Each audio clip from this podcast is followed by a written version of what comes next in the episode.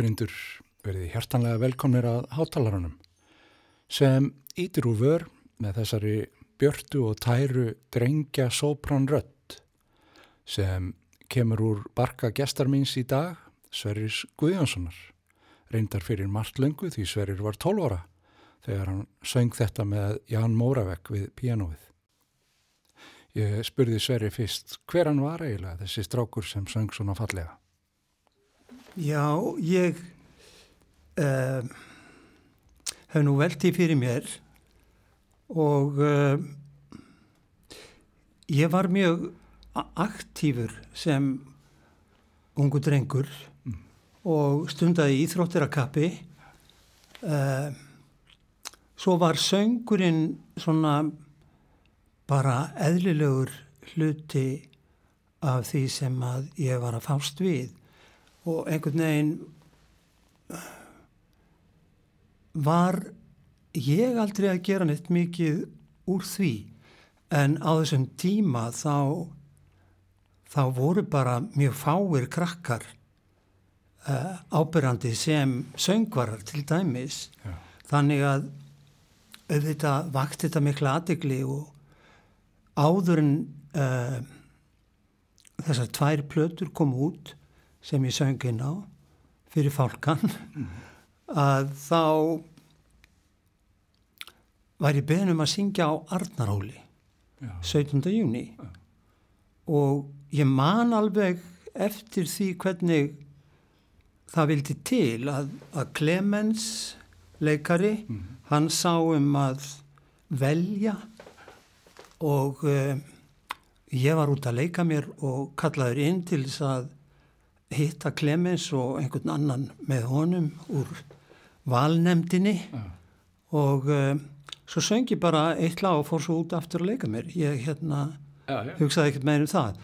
Og síðan fekk ég upplýsingar um það að ég ætti að syngja Arnaróli og þá var ég byrjaður í tímum hjá Demets Sigur Demets. Varstu þá, var þetta á sama tíma og gerir blötuna, 12 óra gammal? Já, þá síðan kemur platan í kjálfarið Já, já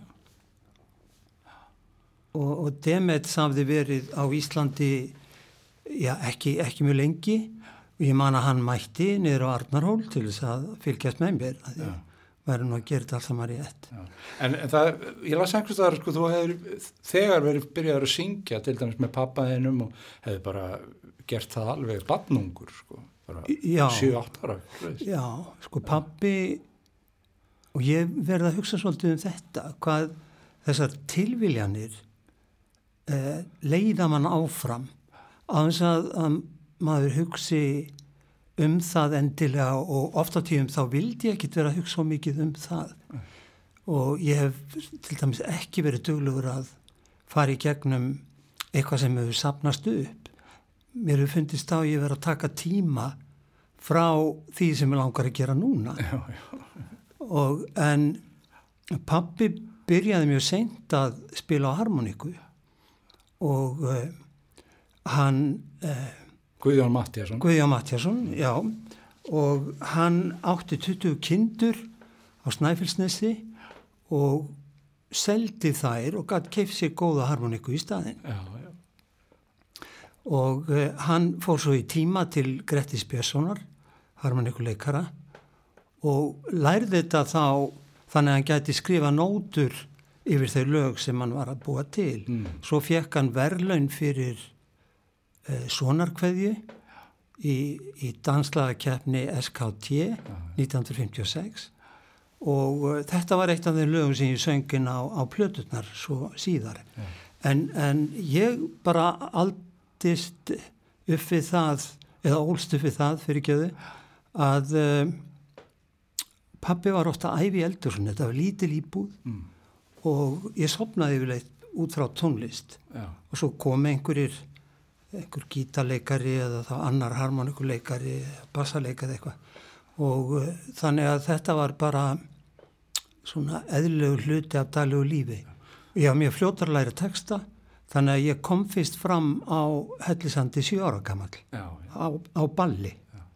En þú, sko, þú hefur náttúrulega greinlega haft mjög mikla náttúra hæfileika, þú syngur klukkur einn Já, það, það er allavega, það lág mjög vel fyrir mér að, að, eh, að syngja og, og þess vegna held ég að það hef verið mjög gott fyrir mig að, að þetta var ekki einhvern veginn uh, blásið upp í hausnum á mér. Nei, það var, það var engin æsingur í kringum þetta. Nei. Þú varst bara út í fótbolta og, og svo varst að náða í því þarna í pröfuna. Já, svo í pröfuna og það var sama þegar ég kom fyrst fram á Hellisandi að ég var bara að leika mér úti, var einhver stór pollur aðna, vorum að láta báta, sigla á pollinum við þarna nokkur í krakkar og svo kom einn frænga mín og spurði mig, hérna, ert ekki til ég að syngja á ballinu í kvöld? Já. Og mér fannst þetta alveg fánaleg hugmynd. Sem hún er. Já fara með barnið á barn og ég var svo velu balinn að, að ég vildi ekki segja bara nei en mm. mér langaði að segja nei. Já. og ég sagði jú, jú, allir það ekki bara. Og uh, þá var það bara sett upp sem eitthvað svona sér númer og svo var ég bara sendur heim áður en slagsmálinn byrjuð Ég á föllum háskalæk, eins í jæli strengu, mér er sama hvort ég næ, nokkru landur Svo byrjar í tímum hjá Demets og, og, og hvað hva ert að syngja þá? Já, hann spurði mig mjög fljótlega, það var mjög gaman í þessum tímum mm. sem betur fyrr, af því að eh, mér fannst þetta kannski, þetta gæti orði bara tímaðisla fyrir mig. Já frá, frá sparkinu Já. og um, en hann spurði mig fljótlega hvort að ég var ekki til í að læra eitthvað þessum ítölsku sönglögum mm -hmm. Robertino var þá mjög þekktur söngvari uh, ásvipum aldru og ég og um, þannig ég byrjaði þarna hjá Demet um 11 ára aldur og ég læriði fullt af þessum ítalska katalóg mm. á ítölsku já, já. þannig að hann svona sagði mér bara hvað þetta þýtti nokt veginn og svo hefndi ég bara eftir honum. Hann hefur fundið náttúrulega að þetta lág vel fyrir þér. Hann hefur ekki þurft að hanga mikið yfir þér. Hann hefði nú ekki nefnt í kannski. Nei, hann var svo hraður og, og fjörugur og hlómikið og, mm. og mér fannst það alveg frábært og, og einnig þá stundum tók hann einhverja strókur, strókur fyrir mig sko. Og uh, var að reyna að fá mig til þess að hugsa um að tengja þetta við líkamann að styðja við tónin og svona og, og ég heyri það að það er mikil framför á þessum tíma Já. þannig að það eitthvað af því hefur farið inn Einmitt. Fannstu þá strax að þetta var eitthvað svona sem að myndi vera með þér allæfi var, var það bara augljóst þarna þegar þú byrjar á DMS að, að þú myndir vera daltin, verja daltin miklum hluta lífiðinu í þetta Nei, mér fannst það nú ekki. Maður gerir það nú ekki svona 12 ára. Nei, alls ekki. Síðan náttúrulega fer ég gegnum mútur og ég fór frekar rólega í gegnum þá breytingaröttinni og um, fann það smám saman að, að uh, ég var að missa sko þessa hæstu Já. tóna uh, og það var bara líka eðlilegt mm. en síðan þurfti ég að finna mig bara í gegnum uh, unlingaskeiðið og fór svona að, að prófa að um, semja mína músík sem ég var að syngja og þreyfa mig áfram mm. aðtúa sko hvaða hvaða tón langaði mig að ná í Já, en var, var ekki hérna sko þegar þú finnur að þú ferði í mútur og, og missir tæru mm -hmm. badnaröttina, var það ekkit erfitt sko, maður er hérst að badnastjörnum þá byrjaði það að drekka og allt fari hundan Jú. Jú, mér fannst það svolítið það var erfitt tímabil, mörguleiti þetta er mentaskóla tímin Já. og gelgjan. Gelgjan og allt það sem því fylgir. Emme. og um, ég mér fannst ég byrja á snemma aftur þannig að ég þurfti bara að hæja á allu og, og gefa mér tíma því að þetta er eins og að ég hef líkt í stundum við það að þú spilar á fiðlu sem drengja söngvari og fer svo yfir á kannski selló eða víjólu eða eitthvað svo leiðis og þarf þá að læra nýja fingrasetningu. Já, já. og um, þannig að, að ég man alveg eftir því þegar ég fór í mútur að ég hugsaði já þetta er frábært, nú get ég bara uh, kvílt mig á söngnum. Já, þú varst alveg til í það. já, Já, einmitt. Þannig að, þú, að það var ekki svona hérna, reyðarslag einhvern veginn að nei ég, alls ekki. Ég er svona beið svolítið eftir þessu. Mm. mér finnst þetta að taka allt á langan tíma Já, að þetta fær í gang. Og þú ert allan þennan tíma, þú ert að spekulur í músík. Eins og Já. segir, þú byrjar að setja saman þína eigin músík, já, syngja þína eigin lög og bara komin þá í þína, þína ellu fullanisrödd, baritónröddina. já mm Og hva, í hvaða músík ert að spekulur á þessum tíma? Mér, ég uh, hef alltaf haft mjög mikinn áhuga á tónlist sem er þjóðleg þannig að, að ég fór í þá áttina Mm. og svona upp úr mentaskóla árum þá stopnaði ég já það var þjóðlaga tríó Já. sem að hétt Þremill og vann með uh, bekkjafélagi mínum Sæmyndu Haraldsinni, mjög fýtt gítarleikari og uh, Kjúrike Alessandra kom inn í þetta með okkur. já, Þannig að við vorum að flytja músík frá Sovjetríkjónum, já, eða hún, Sýbyrju og við hérna tókum undir það og svo vorum við að semja okkar músík. Og uh, unnum saman á svona tveggja, þryggjara tímabili. Já, og síðan tók bara eitt við af öðru einhvern veginn. Sko í framaldi af uh, þremlinum að þá fór ég í kórin hjá Jóni Stefánsinni og ég hafði alltaf uh, frekar lítinn áhuga á kórum. En einn hérna, skólafélagi minn hann plattaði mig inn í kórin og saði að, að það væri nöðslegt að, að fá mig þarna inn af því að þau var að fara til Svíþjóðar á eitthvað kóramót. Og það eiginlega fannst mér áhugaverðara heldur en að syngja í kórn ferðalegi. já, ferðarlega sjálf þannig að, og ég, þá fekk ég áhuga á samtímamúsík Við skulum ekki hafa hátt, hér er margt að hugga. Ég hefi heyrt í alla nátt, handar drátt á glugga. Svipþungur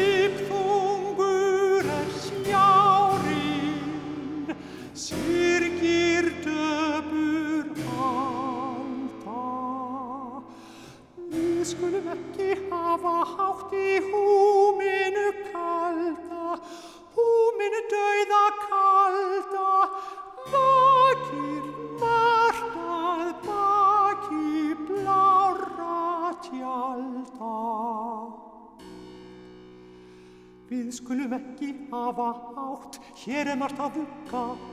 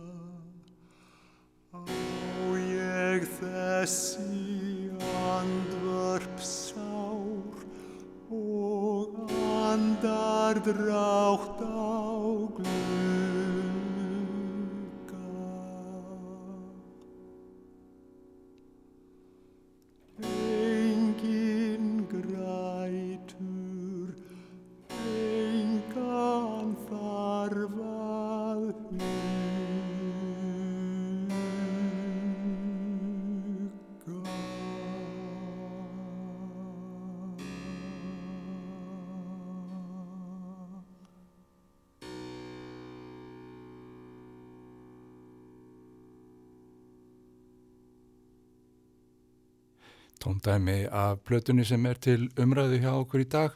Hún heitir Rökkursöngvar og það var Guðrún Óskarstóttir sem spilaði á sembal með Sverri Guðjónssoni. En hann er gestur minn í dag, við erum að ræða þessa nýju plötu og ferilinn, hvernig verður kontratenorinn til og hann sprettur auðvitað ekki út úr uh, gegnum saman í samtíma tónlist einni saman, heldur kemur dagur tónlist þar líka við sögu. Í framald af þessu þá tekur pop tímabil við. Og ég vann með uh, Pónik hljómsveitinni uh, og það sem að ég held að það hafi verið gott fyrir mig að ég yfirleitt gaf mér tíma Já. fyrir, ég ímyndaði mér sko þetta tímabil. Það er ágætt í kannski tvö, þrjú ár Já, ekki meira. Nei, og þá ætlum ég að, að, að vita hvað ég get fundið og hvert ég get leitað í samtöfu tónlist. Tónlistin var alltaf þarna uh, í fyrsta sæti einhvern veginn. Já, og, uh, og þegar ég hætti með þeim þá trúðu þeir nú ekkert að ég var að hætta þessu að það væri alltaf einhver sem hætti á hverju ári sko en síðan held það bara áfram. Og hérna en ég er svo þrjóskur að, að ég let þetta let slag standa og ákvaða að fara upp í FIH jazztildina já, og þá var verið að stopna hana Sigurður Yngvi Snorarsson já. skólstjóri í brautarhaldi. Já, í Bröndurhaldi og um, ég vildi taka söng sem spunaljóðfæri Mm. uh, og fekk leifi til þess þó það væri engin söngdeild. Nei, Þannig að ég var þá bara einn í minni eigin söngdeild og vann mikið með Vilhjálmi Guðjónssoni sem var algjörlega frábært. já, Að því að mig langaði að, að skilja betur hvernig spuni er hugsaður mm. og svona, hvaða möguleika ég hefði til þess að, að, að snerta á því Já. og var þarna í, í tvo vetur og um, og að því ég var hættur í poppinu að þá hérna þegar að Gunnar Þórðarsson ringdi mig og var að stopna stórsveit upp á Broadway já, sem voru þá uh, einhvers konar sjó á kvöldin og svo ball þar og eftir. Þetta voru svona já, það var bara eins og að fara eh, hérna á síldu eitthvað. Þetta var alveg rosaleg rosaleg vertið. vinnu vertíð sko. og ég sagði henni ég væri hættur Já, og hérna hefði ekki tökst mér að fara út í þetta og væri svona með önnu plön. Og um, en þá sagði hann við mig hérna, viltu ekki hugsa þetta aðeins hérna, hvað heldur að ég hafi hætt oft? Já, og, uh, og ég veldi þessu fyrir mér og átta mér náttúrulega á því að, að ég, þetta gætt verið alveg rosalega fýtt skóli mm. fyrir mig. Þannig að, að ég var í þrjú ár með honum var líka í þrjú ár með Pónik þannig að þetta voru svona þryggjara tímabil. Já, já, og þá gerðist það að ég var pantaður eða beðin um að koma í pröfunir í þjóðlugús þau voru að setja upp söngleikinn Chicago og þar er eitt hlutverk sem er á kontratenor ratsviði. Já, og þú þarft eiginlega að, að eh, vera í hlutverki e, bladakonu alveg rétt. og það þarf að virka þannig að það geti verið trúverðugt og uh, og þegar ég fór í pröfuna þá var ég nýbúin að leggja mig heima og, og röddinn liggur þá aðeins neðar þannig að ég var ekkit ég held að þetta hefði gengið neitt sérstaklega vel en þá voru þeir búin að prófa bara mjög marga leikara og marga söngvara og voru jafnvel að hugsa um að fá uh, uh, kvenleikara eða konu til þess að Mm. söngvara til þess að gera þetta.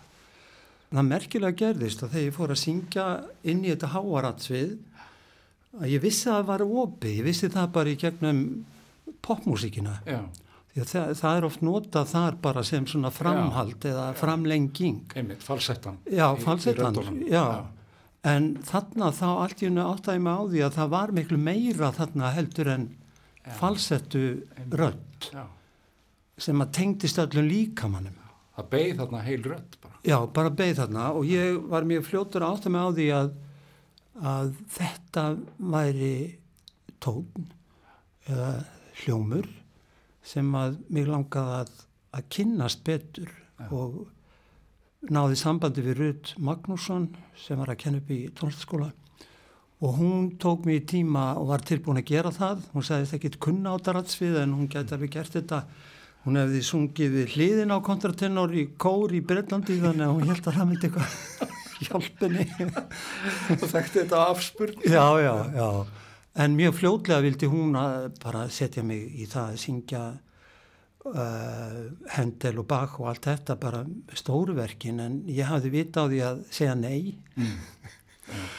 og vildi þá læra betur inn á þessa tækni og það enda með því fótt til London þá. Já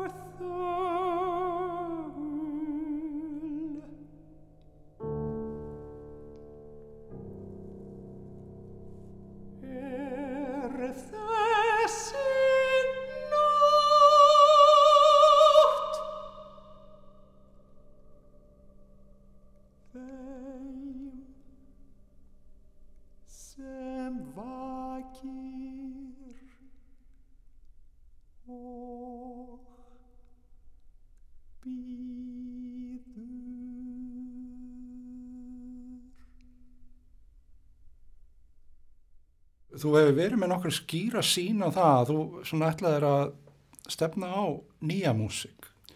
Já, mm. það, það kom já, nokkuð fljóðlega finnst mér og líka bara í sambandi við hvernig spunni getur kallað fram uh, áhugaverða hluti líka mm. í röttinni og ég hef síðan síðar sko eftir kontratenor uh, sko tímabili þar sem ég fer í, í nám til London og er, er að starfa við þetta í mörg ár að þá fekk ég mikið því að, að vita hvort ég geti nota röddina í sambandi við yfirtóna, uh, barka, mm. einhvers konar barkatón uh, það sem hefur verið kallað bara barkasöngur. Já, og, uh, og þá hafði ég kynst kvikundagerðamanni sem heiti Jacques Debs og kemur frá Beirut, Líbanon en starfar í París og hann yfirleitt vinnur heimildamindir mm. og er mikill músík áhamaður og það var eitt verkefni með honum, við, við höfum starfað saman í, á tíu ára tíðanbilið í gegnum margar kvikmyndir sem hann hefur gert og þá hef ég yfirleitt starfað með tónskáldum sem hafa sami fyrir myndirnar já. og ég síðan flutt allt sem þeir sömdu já, já.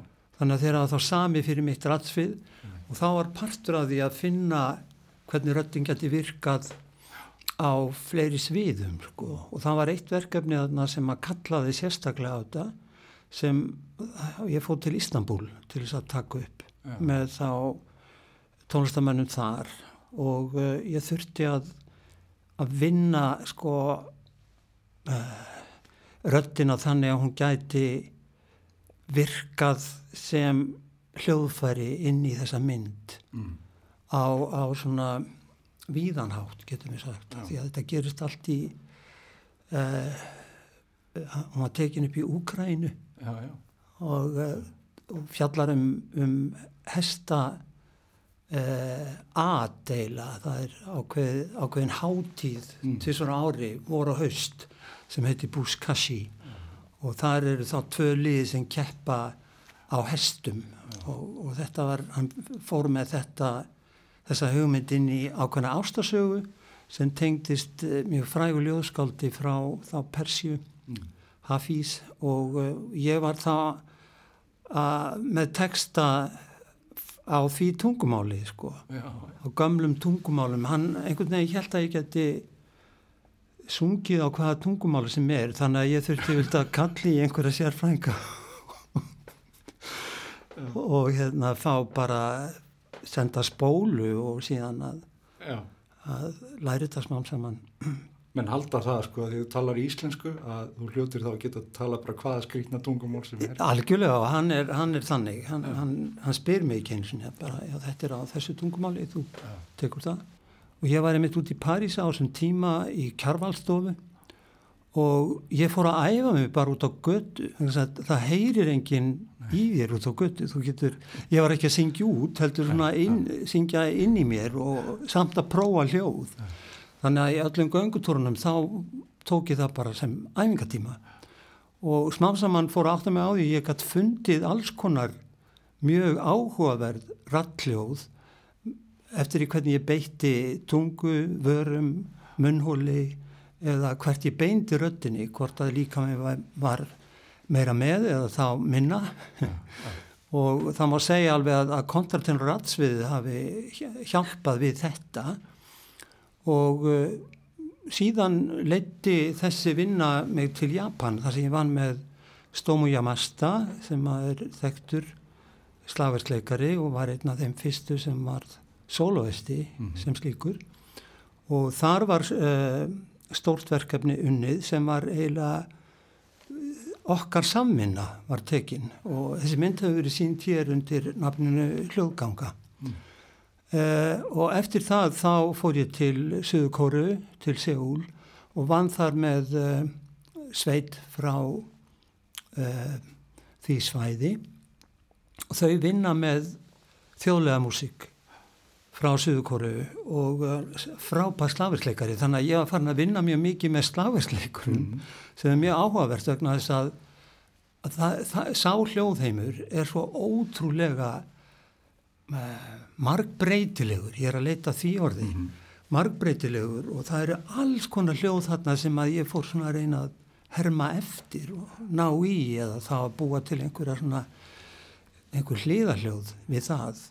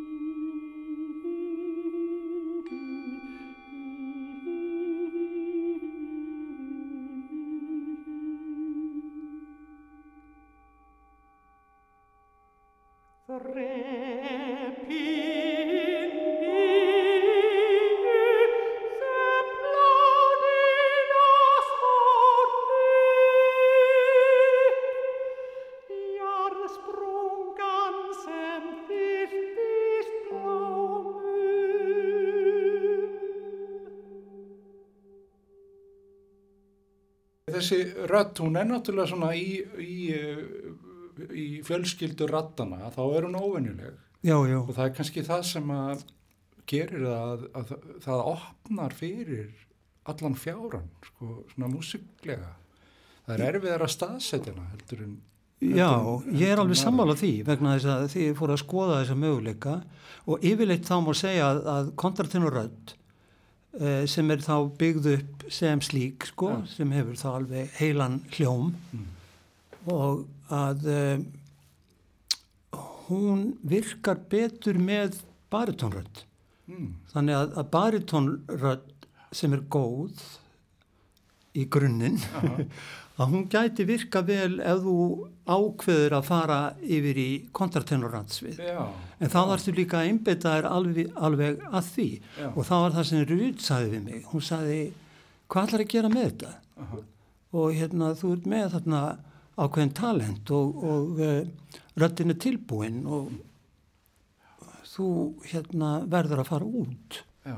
til þess að bara geta einbeittir að þessu að því að hér, allir tónlistamenn hér þekkja það að það er tókað í því allar áttir og, og, og einbeitingin hún, hún þarf að vera eh, 100% ef maður ætlar að fara þessa leið. Og alveg sama hvaða leið það er ef maður er að fókusera á eitt hljóðfæri og ætlar að taka það Mm. alveg frá grunni þá, þá þarf einbettingin að vera þar. En þú talaði nú um það hérna áðan að, að þú hefur nú ekki gefið mikinn tíma til að vera að rifja upp hlutina eða fara í gegnum dótið, Nei, en þessi nýja plata, sko, rökkursangvarnir mm á fjórum vínir hliðum, já, að þar ertu nú svolítið að gera það samt, þú ert að fara Já. daldið, daldið yfir farin veg. já, ég lít svo á að, að rökkursöngarnir séu bara að koma út í dag. Já, og eh, ég var að setja á streymisveitur uh, fyrsta, uh, fyrsta söngin af þessar útgáfu sem heitir Brim Blues. En ég byrjaði fyrir löngu að setja þessa hugmynd saman þar sem ég langaði að, að velja, ég flutt mjög mikið af uh, nýri tónlist sem hefur verið samin sérstaklega fyrir þá kontratenoratsvið mm. og uh, að velja úr því þannig ég geti búið til heilt, einhver, einhvers konar ferðalag Já. og um, það tók svolítið langan tíma ég var búin að taka allt upp fyrir já nokkrum árum og uh, sem betur fer. Þannig að það var allt tilbúið og ég var svona smám saman að vinna í samsetningu uh, hljóðvinnslunni. Ég er náttúrulega mjög svona viðkvæmi fyrir því hvernig, hvaða hljóm við langar til þess að ná í, Já, í svona útgáfu og er mjög þakklátur Sveini Kjartansinni hjá Sýrlandi hvað hann hefur sínt mér mikla þólimæði mm. Að því að uh, hann hefur unni með mér allt það sem ég tekið upp. En mér fannst ég ekki finna uh, ferðalagið fyrir en ég tók það ákvörðun að þetta ætti að vera töfaldur vínill.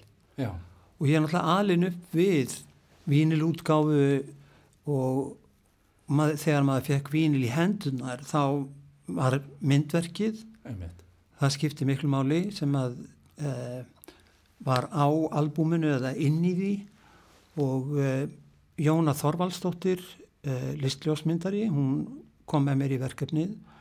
Og e, Kristján Fríman Kristjánsson sem að held utanum alla hönnun og, og útlýtshönnun og hann tók líka ljósmyndir og svona þannig að ég var mjög heppin með uh, mitt lið. Já, Uh, þannig að, að þegar ég var komið með þessar fjóra hliðar já. þá gæti ég búið til fjóra kabla eins og fjóri kablar í bók Mm en þetta er samt ein og sama bókin sem eru rökkursangvarnir og ástæðan fyrir því að ég tek minn barnasöng, ég valdi litfríð og ljósær uh, að þessi söngur rammarinn verkið. Það tók mér svolítið langan tíma að, að ræða þessu saman. Mm. uh, vegna þess að um,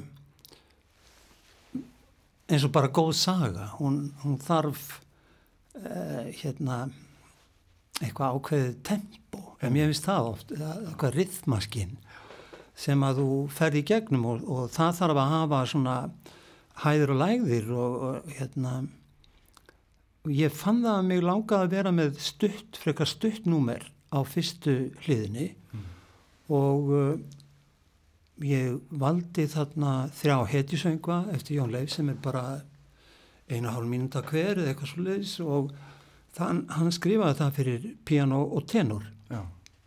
og með því að færa það til þá fannst mér ég fá þennan breyða hljóm í mm. sembalnum Já. þannig að Guðrún Óskarstóttir kemur þar inn og uh, uh, síðan uh, það sem við í Ókast Túles að við vorum þrýr bara, ég, Siggi Haldós og Ekkert Pálsson sem sungu þá þessa þrjásöngvað sem ég sem ég valdi sem eru þjóð, mert sem þjóðlög Já. og Jón Leifs hafi útsett eh, rimnasöngva sem eru örstuttir mm -hmm. og ég sá þarna tækifæri til þess að skjóta þeim inn sem einhvers konar tema Já. í gegnum fyrstu hliðina og þá er það hver söngur þar er kannski bara 20 sekundur mm. mér finnst þetta skemmtilegt Já. og uh, síðan til þess að fara út úr fyrsta kaplanum yfir í hann snýr plötunum við að uh, fyrsti kablin heitir Rökkur og þegar snýr plötunum við þá ertu komin inn í nóttina mm. og þar er Oliver Kentish ég syng tvö, tvo söngva eftir hann úr fimm söngvaflokki sem hann kallaði Rökkur söngvar og titilnafnið kemur þaðan fer svo inn í uh, fimm söngva úr Stokkseyri eftir eh, Róðmar Inga Sigurbjörnsson. Þarna er brimið og skvettist. Og brimið skvettist og skvettist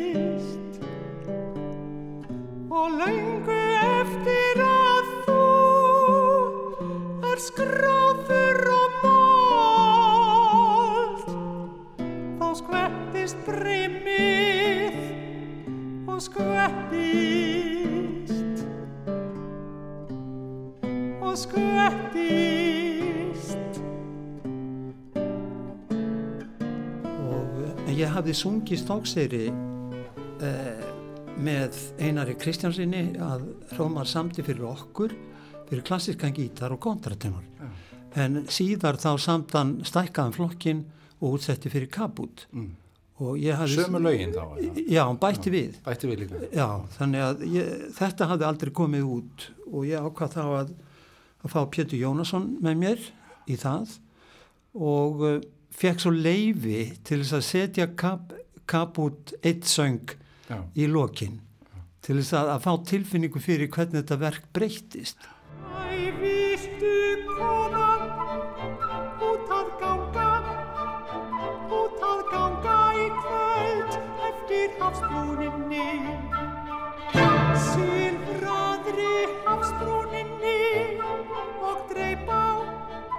brimsaltu löðrinu af laungu sopnum mornum tímans að hlusta. Og hlusta með kuðungunum kvitum jókum og hlusta og hlusta hvítum mjúku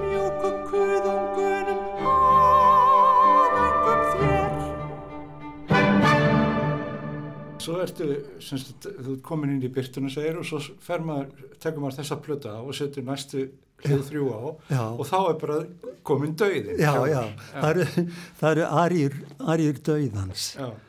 og, það byrti nú ekki til lengi Nei, en það, það, það var svo mikið humor í því verki að því að, að um, það er Átni Íbsen sem skrifar textan og e, Karolína Eiristóttir semur músikina og Messiana Tómas Tóttir setti þetta upp á sínum tíma í gegnum hennar leikús strengja leikúsið og uh, við fluttum þetta í borgarleikúsinu þetta er ópera. Já.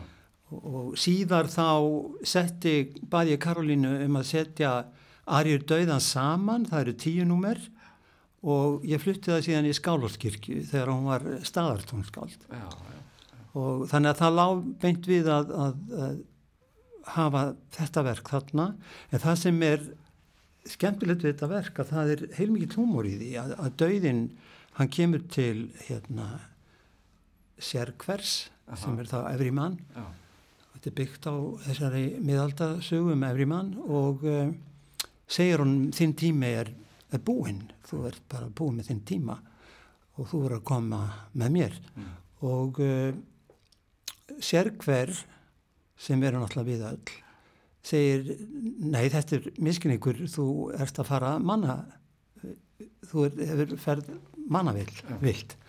Og uh, uh, þannig að dauðin gefur honum tækifæri, hann segir ef þú finnur einhvern sem er tilbúin að koma með þér í þetta ferðalag að þá skal ég gefa þér meðri tíma. Þannig að hann fætti fjölskyldunar og vina sinna á allra og ekkert gengur. Þannig að óperan er svolítið eh, fjallar um þetta ferðalag.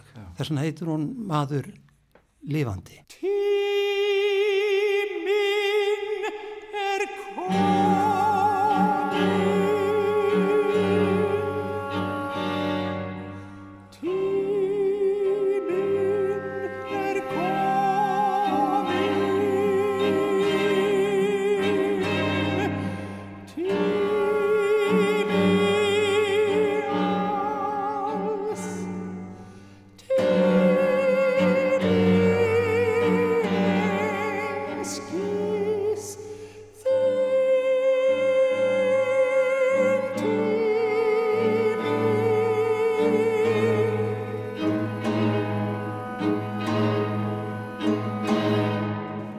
þessi vegferð.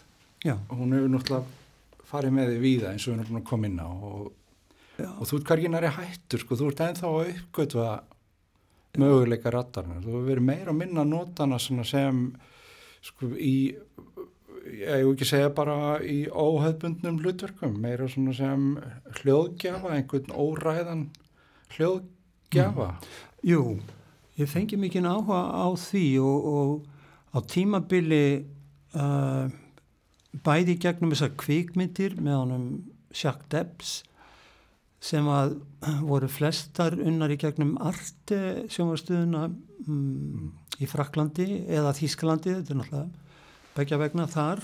Og uh, síðan þegar við unnum hérna verk sem heitir Solar 5 uh, það var Hugi Guimundsson, uh, Mattias Hemstokk Hilmar Jensson og uh, svo fengum við uh, myndlistamann sem er svona tölvu myndlistamæður mm. uh, að því að hann vinnur með spuna samvættu við það. Og þá tók ég mjög mikið upp með honum Mattiasi Hemstokk, alls konar ralljóð sem við vorum að velta fyrir okkur hvernig við getum unnið inn í verkið sem var að hluta til undibúið og hluta til unnið þá í gegnum beina, beina uh, samvinnu við það sem var búið að mm. taka upp mm. á, á tónleikonum sjálfum eða síningunni því við vorum með fimm stór tjöld og uh, færiðumst á milli stöðva en þá var ég að vinna með alls konar ralljóð líka þannig að það hefur haldið áfram og ég svona, já, mér finnst það vera spennandi og það líka eflir mig í því að finna nýja fleti á röttinni.